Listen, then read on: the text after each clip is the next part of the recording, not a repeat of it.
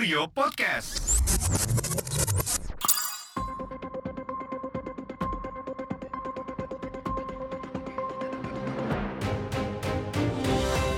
Yo, balik lagi di podcast Rangkum.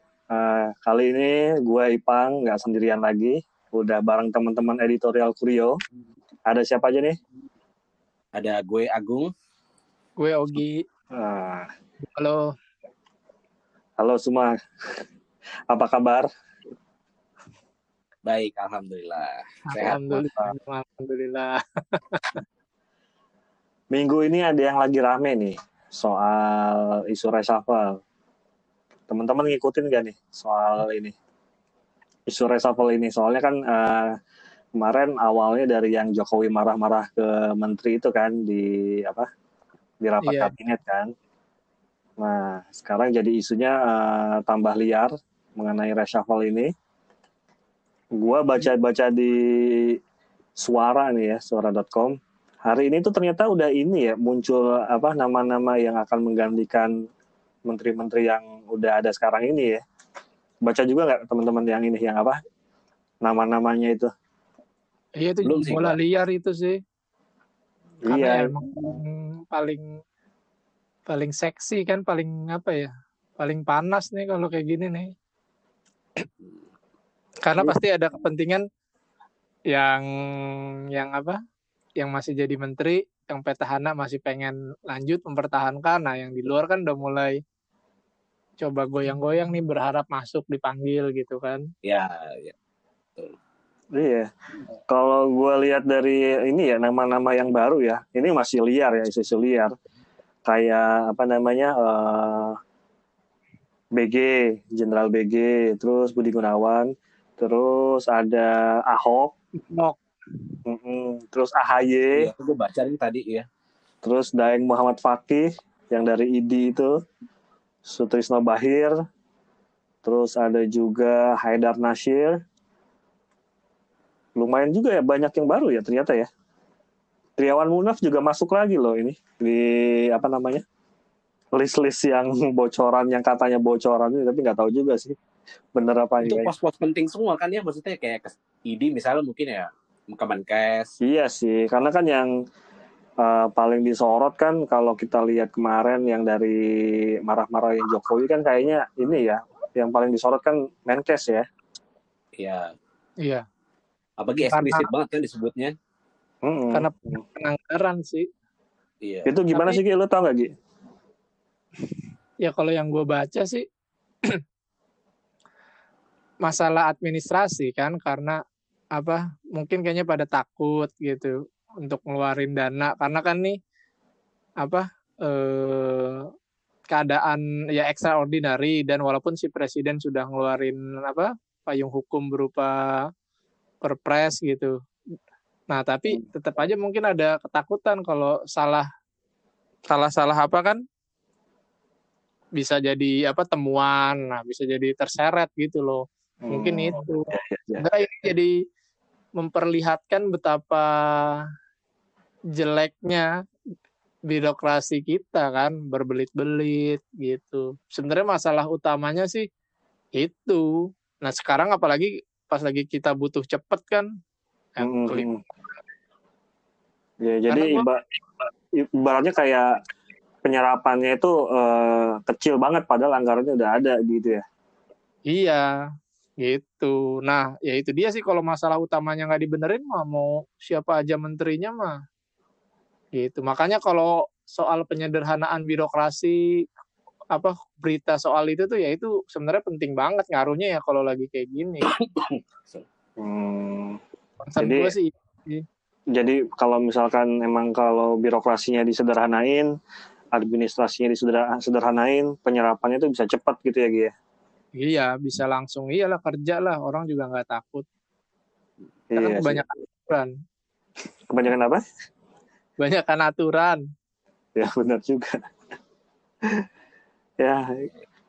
Tapi eh, ini juga sih eh, apa namanya seru juga sih ngikutin isu-isu reshuffle ini entah karena jadi bola liar atau gimana ya.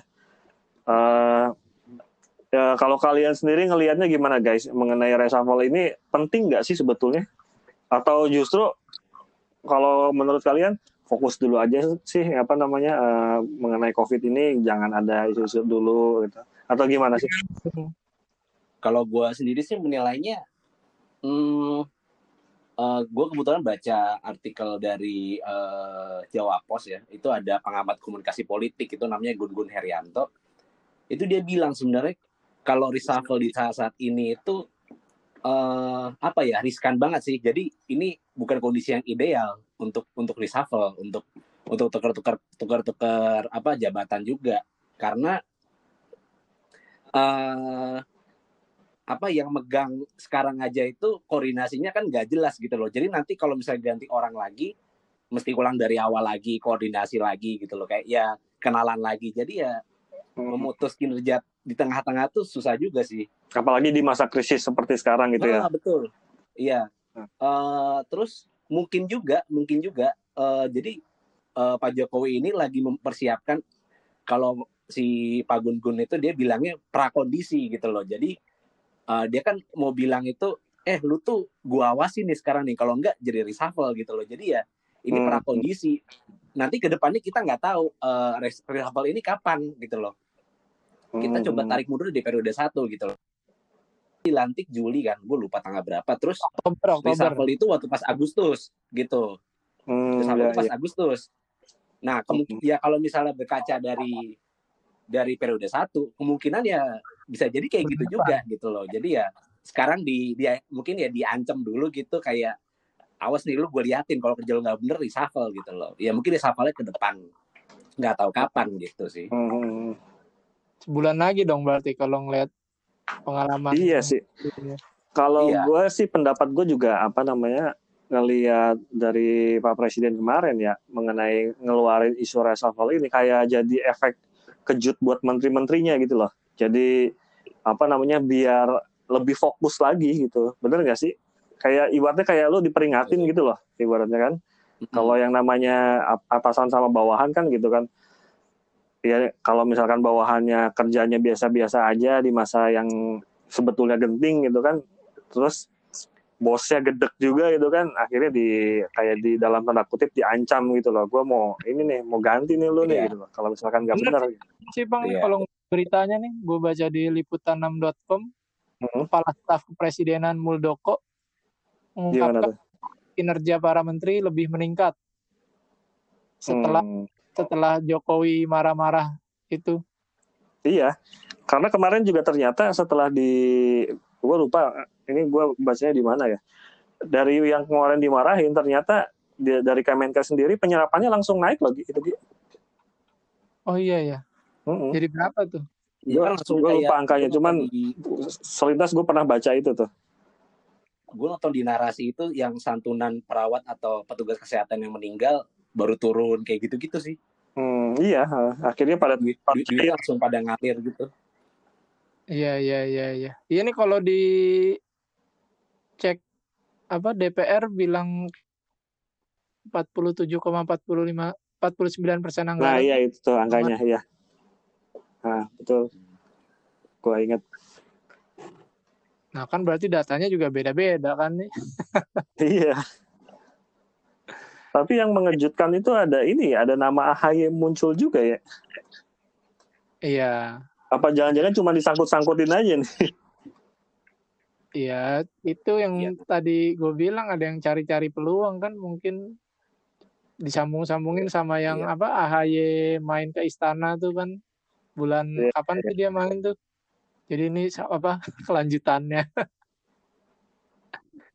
kayak jadi kayak konspirasi gitu iya ini pokoknya gue juga kalau inilah kayak gosip seleb nih kalau kalau reshuffle nih kan kita juga nggak yeah. tahu menyebarin yeah. si infonya siapa tuh kan pasti beredar di kalangan wartawan dulu kan tuh media media hmm. ngecek ke partai-partai pejabat pimpinan partai buat konfirmasi hmm. udah naik rame. Kalau soal reshuffle ini kayak drama gitu ya. Tapi ya memang iya sih kalau ngelihat apa kemarin uh, Jokowi waktu pas marah itu dia pakai teks di videonya juga ada apa ada ada teksnya. Jadi ya kayak kesannya kayak dramaturgi aja kalau misalnya uh, banyak masa banyak banyak orang yang nangkap itu tuh dramaturgi gitu Iya, iya. Hmm. saat Jokowi marah itu maksudnya kan kayak dia nyinggung apa sense of crisis terus kayak extra di, di extra di ordinary Hmm. kayak yang seharusnya itu udah kayak harusnya kemarin-kemarin gitu loh Iya. Hmm. Terus Tapi eh, yang sangkut-sangkutin tuh ini nih berita yang gue baca hari ini apa Menkes Selandia Baru mundur karena mengakui ada kesalahan penanganan corona. yang setelah apa nol terus akhirnya ada lagi gitu ya Gia, kasusnya ya. Lagi dan sebelumnya kan dia apa ada sempat melanggar lockdown ya. Sempat jalan-jalan sama keluarganya tuh ke pantai. Gitu. Ya udah deh dia mundur. Nah, itu jadiin referensi dah tuh sama yang Kocak. Masuk.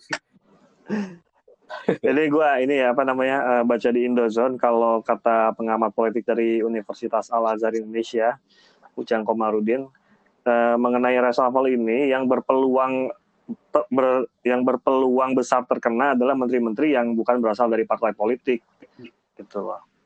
Jadi yang dari profesional itu kemungkinan bakal apa eh, ibaratnya diganti sih Iya, betul. karena itu rentan kan karena ibaratnya eh, nggak punya backup dari politik gitu ya dari politiknya dari parpolnya gitu loh Iya. kalau misalkan da- Ya, masuk akal. biasanya kalau misalkan dari parpol kan eh, menterinya diganti tapi digantinya sama orang dari partai yang sama kan Iya, ya itu ribet cari penggantian ya kan belum tentu yang direkomendasiin cocok. Kalau profesional kan ya Jokowi kayak tanpa nggak terlalu berba- beban lah. Dia pro- pilihannya juga lebih iya. luas, lebih banyak gitu. Mungkin iya iya iya iya. Nah ya gitu-gitu yang repot kalau misalnya reshuffle itu di tengah jalan kan kayak tadi gue bilang Hmm. penggantinya capable nggak untuk ini untuk mengatasi situasi yang berat ini. Iya. Gitu. sih. tapi kabinet yang ini tuh udah berjalan satu tahun ya Gi ya kalau nggak salah belum lah. Belum ya? Belum belum. Oktober.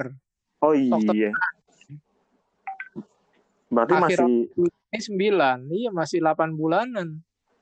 Masih lap- ya, Belum ada satu tahun ya? Emang Kalau lo inget nggak waktu yang di periode pertamanya Jokowi, itu reshuffle itu setelah berapa bulan atau setelah, setelah berapa tahun? Agustus kan dari gue yang lo bilang Agustus, iya Agustus. Iya Agustus berarti berapa ini tuh? Gimana, Gung? 10 deh kalau nggak salah. gangguan Juli sih. sampai Coba Agustus lupa deh. Gimana lagi? 10 Kan bulan, Bung, 10 bulan setelah pelantikan. Ingat. Ah, 10 bulan. 10 bulan setelah pelantikan. Itu kalau nggak salah 4 ya kalau nggak salah di reshuffle gue agak lupa deh. Ah, Gue cuma baca ini iya, iya, iya. fotonya. Oke, oke, oke. Apalagi nih yang menarik dari reshuffle menurut kalian, guys? Nih nih, Apa? gue cek nih reshuffle pertama Jokowi JK 10 bulan ya tepatnya 12 Agustus. Bener. Yang si Darmin jadi Menko Perekonomian menggantikan Hmm. Sofyan Jalil. Terus mana lagi sini?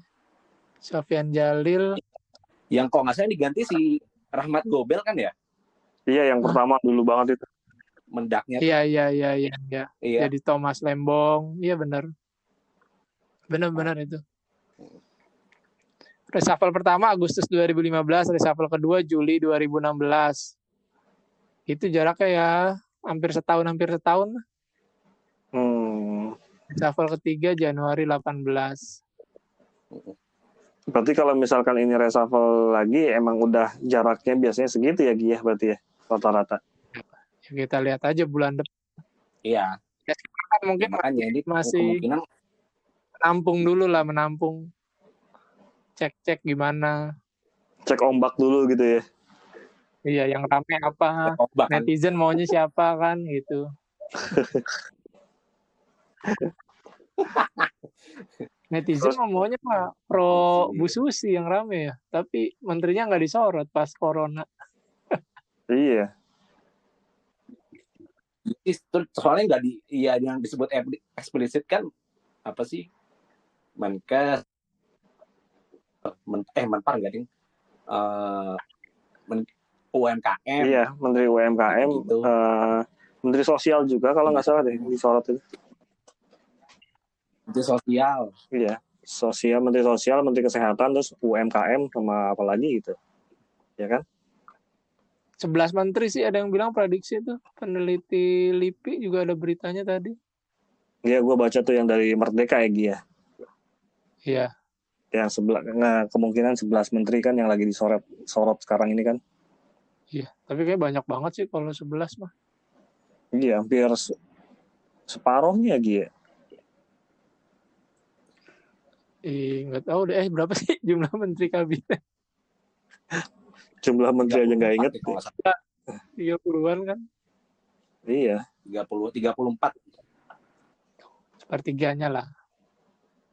Iya, iya, iya, iya. begitulah.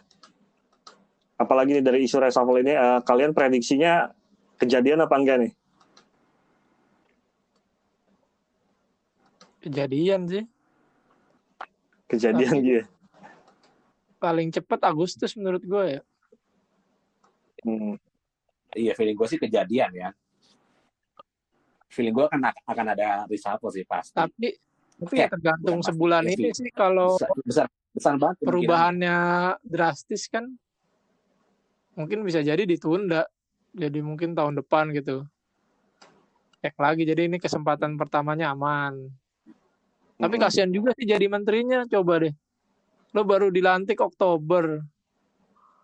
Baru pengenalan segala macem Januari udah rame apa? Di luar negeri sih udah rame Covid masuk terus Maret kan masuk ke Indonesia. ya emang harus benar-benar yang mau kerja sih itu mah ya Iya, kerja kerja kerja. baru berapa bulan udah langsung dihajar sama COVID kan? Iya. Tapi kalau kita mundur ke belakang itu yang si di video itu Pak Jokowi nyorot Menkes ya. Jadi kayak kontraproduktif dengan apa yang dia bilang di misalnya di mata Najwa gitu yang eh, kan si Pak Jokowi bilang tidak ada yang sempurna gitu loh, tapi eh, Pak Terawan kinerjanya udah baik gitu loh. Eh terus pas pas video itu dia eksplisit banget nyebut si Kemenkes terus dana eh, 75 atau 72 75 itu, T apa gitu. 72? 75 kayaknya. 75 deh kayaknya 75 triliun wow Iya. aneh ya Mungkin dia ini kali komunikasi politik itu kan di Najwa dulu kan ya. Iya. Jadi apa iya naik nih dengan cara kayak gini, gimana responnya? Wah nggak mempan. Wah berarti harus marah kali ini nunjukin marah. ya udah gue sikat aja Coba-coba cek videonya yang kemarin mana. Nah, udah itu naikin deh gitu kan. Prediksi aja ini bro. iya iya sih boleh, boleh. Ya, gue juga memprediksi mungkin bakal kejadian tapi nggak dalam waktu dekat ini sih. Mungkin ya. Nah, Iya sih. Tapi ya harapannya sih ya dari setelah apa namanya ya Jokowi marah-marah sama menterinya ini bisa lebih baik lah, terutama dalam penanganan corona ini ya. Itu sih. Betul. iya karena kan yang diharapkan dari periode kedua itu kan ya muncul lagi Iya. gerakan gitu loh karena ya muncul muncul solusi-solusi yang lebih lebih ekstrim gitu loh ekstrim dalam dalam mata ya itu Iya, karena ini kan periode terakhirnya dari Pak Jokowi kan, jadi bisa lebih Betul. baik dari yang pertama gitu loh. Ya kita lihat saja dan Kita lihat. doakan. Mungkin gitu dulu kali ya guys. Cuap-cuap Iya. kita malam ini untuk podcast rangkum. Yuk. Ketemu lagi di episode selanjutnya ya untuk isunya apa apa eh, Ya. buat besok nanti kita cari-cari dulu ya untuk yang menarik ini. Oke. oke Terima Bye. kasih yo semuanya bye.